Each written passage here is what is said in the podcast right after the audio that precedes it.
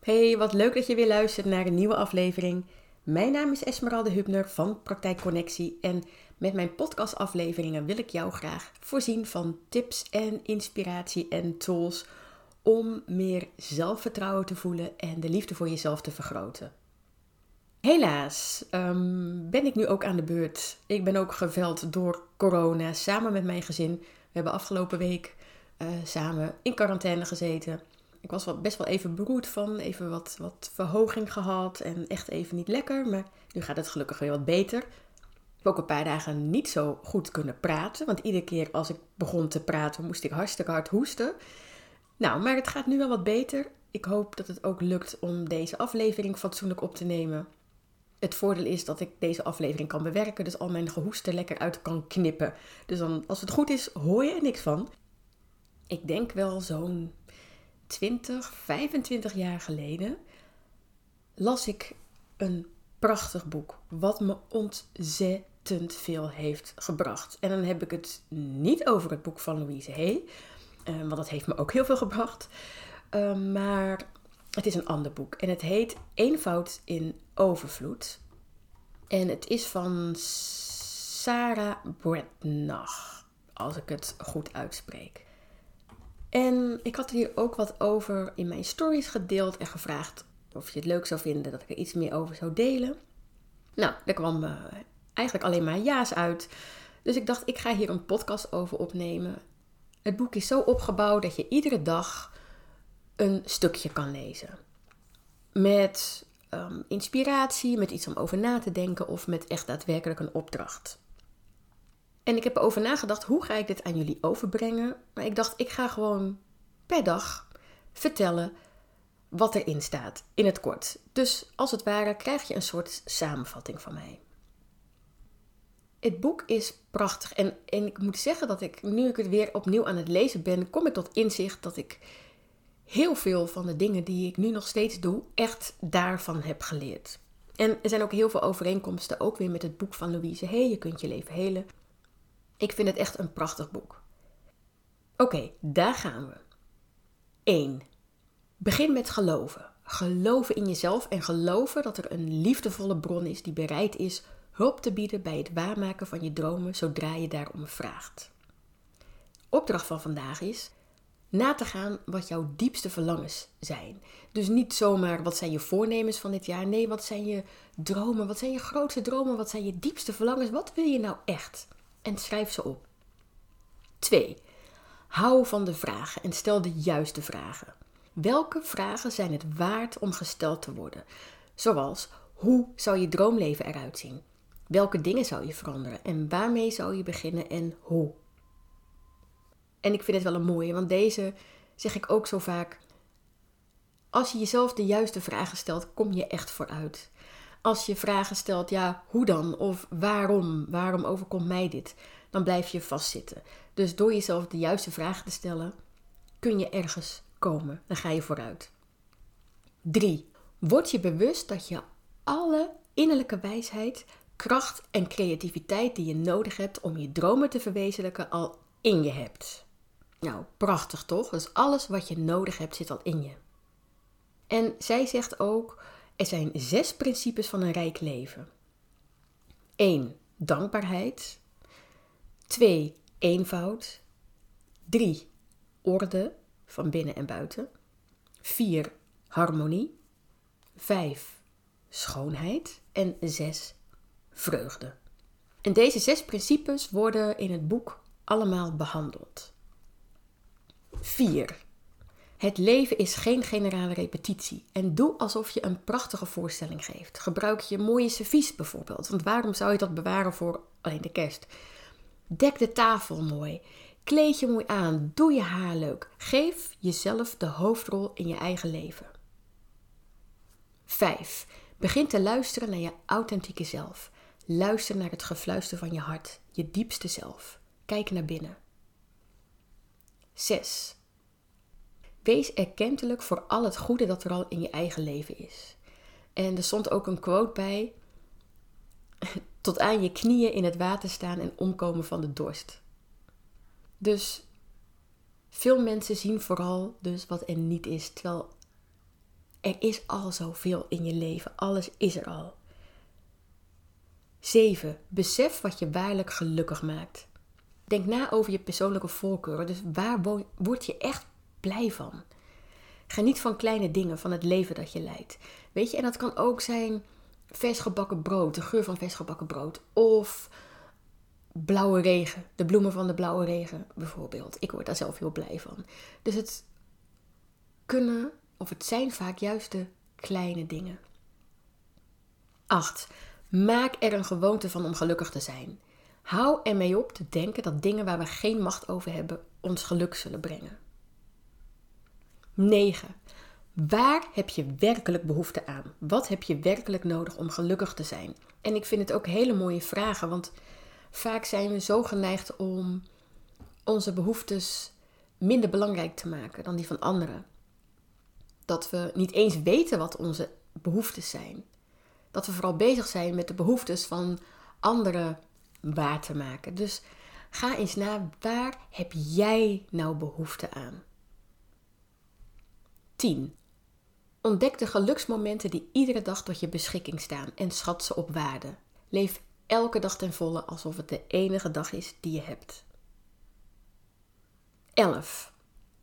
Laat de gedachte dat je iets tekort schiet achter je. En begin vandaag met een klein experiment.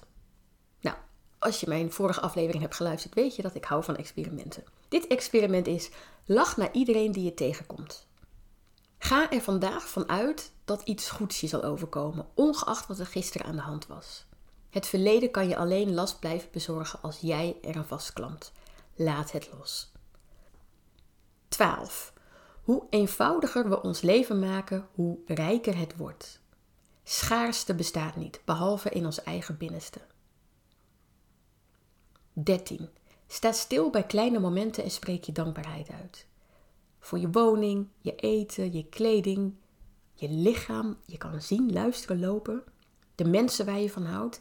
Laat in je hart de transformerende kracht van dankbaarheid ontluiken.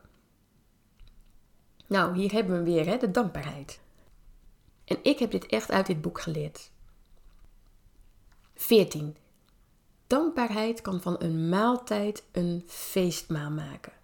Van een huis een thuis. Van een vreemdeling een vriend. Deze vind ik zo mooi. Eenvoud, orde, harmonie, schoonheid en vreugde zullen niet tot bloei komen zonder dankbaarheid. Na maanden vindt er een verschuiving plaats hoe je het leven ziet. Je zult dan tevreden en hoopvol gestemd zijn en je richt je op rijkdom in plaats van op gemis. En de opdracht van vandaag is: ga op zoek naar het meest prachtige boekje wat je kan vinden. En schrijf dagelijks vijf dingen op waar je dankbaar voor bent. Daar hebben we hem weer, het dankbaarheidsdagboek. En als je dit nog niet doet, ga het alsjeblieft doen. Dit kan je zo verbrengen. 15. Ware eenvoud verlicht ons leven van binnenuit. Elke dag heeft je eenvoudige gaven te bieden. En denk na over hoe aantrekkelijk eenvoud kan zijn. 16. Ga orde eens anders bekijken. Niet als moeten, zoals hè, het huishouden doen en je huis op orde hebben, maar als een vorm voor het schitterende nieuwe leven dat je aan het creëren bent. Wees bereid een gevoel voor orde aan te kweken en in stand te houden in de manier waarop we onze dagelijkse bezigheden uitvoeren. 17. Harmonie. Harmonie is het evenwicht vinden tussen verwachtingen en verantwoordelijkheden aan de ene kant en innerlijke behoeften aan spirituele groei en het tot uitdrukking brengen van onze eigenheid aan de andere kant. Oftewel, plichten en genoegens. Alleen zijn en in gezelschap zijn. Werken en spelen. Activiteit en rust. Dus ga eens leren om rust te nemen en doe het vandaag eens rustig aan en luister. 18. Neem de schoonheid die je omringt in je op. Kijk je geliefde diep in hun ogen. Dek de tafel met zorg. Steek kaarsen aan. Schoonheid wordt geopenbaard, ondersteund en gevoed door de kleinigheden van het leven. 19. Leven in het hier en nu maakt deel uit van de weg van vreugde. We worden onbedoeld de bedenkers van onze eigen tegenslagen. Vertrouw op de stroom van het leven en verwacht in alle omstandigheden het beste. En begin daarmee vandaag. 20. Deze quote vond ik ook prachtig. Je zult je diamanten niet in ver weggelegen bergen of in Gindse zeeën vinden. Je diamanten liggen in je achtertuin, als je er maar naar graaft. We hebben allemaal een akker vol diamanten die liggen te wachten tot we ze ontdekken, koesteren en de mijn gaan ontginnen. 21. Laat de beperkende illusies die je ervan weerhouden te beseffen dat alleen al in leven zijn iets geweldig is, varen. Wees vandaag bereid te geloven dat je vergezeld wordt door een geestkracht die je bij elke stap de weg wijst en weet wat je te doen staat. 22. Wees niet bang, je staat er niet alleen voor. Andere vrouwen gingen je voor. Je zult leren leven met behulp van je eigen licht en het licht van de sterren die aan de hemel staan, want dat is het enige wat je nodig hebt. 23. Het accepteren en zegenen van je omstandigheden is een krachtig middel tot verandering. Accepteren is je neerleggen bij wat er is. Op dit moment is het nu eenmaal zoals het is. Het kon kennelijk niet anders. Als je je niet langer verzet tegen een situatie, dan ben je in staat je open te stellen voor alle goedheid en overvloed die voorhanden is. Acceptatie brengt opluchting en bevrijding met zich mee. 24. Als je je huidige omstandigheden hebt geaccepteerd, mag je ze leren zegenen. Het zegenen van de omstandigheden in ons leven leert ons vertrouwen te hebben. Zegen de ochtend voor jou en de jouwe. Zegen de dag voor jou en de jouwe. En zegen de nacht voor jou en de jouwe. En ga je zegeningen tellen. Kijk eens of je de 100 haalt. En dit vind ik ook een hele mooie opdracht. Schrijf minimaal 100 zegeningen op. 25. Morgen zullen we liever zijn voor onszelf. Morgen zullen we tijd maken om plezier te hebben. Morgen. Er zal altijd iets zijn wat je aandacht probeert te trekken. Dus ga je wachten tot het leven volmaakt is of begin je vandaag? Ga vandaag één ding doen van waar genoegen. Iets wat je blij maakt, waar je behoefte aan hebt. En doe het vandaag en niet pas morgen. 26. Gun jezelf dagelijks tijd om een tocht naar binnen te maken. Door te schrijven, meditatie te doen, je dag te plannen, gewoon zitten en stil zijn, oplettend luisteren, vol verwachting te wachten. 27. Doe de dagelijkse dialoog, zo noemt zij dat. En dat betekent schrijf dagelijks je hoofd leeg, zodat je uiteindelijk in gesprek komt met je ware zelf. En gebruik hiervoor een schrijfblok of een kladblok, dus niet een mooi dagboekje, want dan heb je, hebben we vaak de neiging omdat het alleen maar netjes moet en dat je alleen maar bepaalde dingen mag opschrijven. Nee, gewoon lekker een schrijfblok en zet gewoon op papier wat er in je hersenpan zweeft. 28. Een leuke manier om erachter te komen wat je eigen voorkeuren zijn, is het samenstellen van een geïllustreerd ontdekkingenboek. Dit heb ik ook gedaan. Ik heb hem nog liggen, mijn ontdekkingenboek. En nou, wat het is, is koop een schetsboek of een ander mooi boekje en doe deze samen met een schaar en een plakstift, met favoriete tijdschriften en een mandje en zet het naast je bed neer. En wat je kan doen is dat je dan s'avonds door de tijdschriften bladert en als je een afbeelding ziet die je bevalt, knip je die uit en plak je die in je boek. En laat het ook maar gewoon tot stand komen, dus zonder erbij na te denken. Maar plak gewoon lekker op. En je kan hier ook citaten aan toevoegen, tekeningen of mooie kaarten die je hebt gehad, of afbeeldingen van kunstwerken die je raken. Dus verzamel alle mooie beelden die je tot in het diepst van je ziel aanspreken. 29. Maak je eigen schatkaart, de schatkaart van jouw leven. Hoe ziet je ideale leven eruit? Hoe leef je dan en met wie? Hoe ziet je droomhuis eruit? Wat voor werk doe je? Dus ga op zoek naar plaatjes die bij je ideaalbeelden passen. Dus maak er een collage van of een tekening. Zoek daarna een mooie foto van jezelf waar je stralend op staat en plak jezelf in het midden van je schatkaart. Nou, eigenlijk is dit een soort vision board, denk ik. En het verschil met de vorige opdracht is dat dit um, je diepste dromen zijn en verlangens, dus hoe je wil dat je leven eruit ziet. En de vorige opdracht bij je ontdekkingenboek is iets wat sowieso wat je dagelijks kan blijven doen. En dat is echt dat je op zoek gaat Nou ja, waar word ik nou eigenlijk blij van? 30. De Gouden Spiegelmeditatie. Nou, dit is een meditatie en zij zegt, nou sluit je ogen en visualiseer een prachtige gouden spiegel die wordt omringd door schitterend wit licht. Dat licht is liefde en ze omringt ook jou.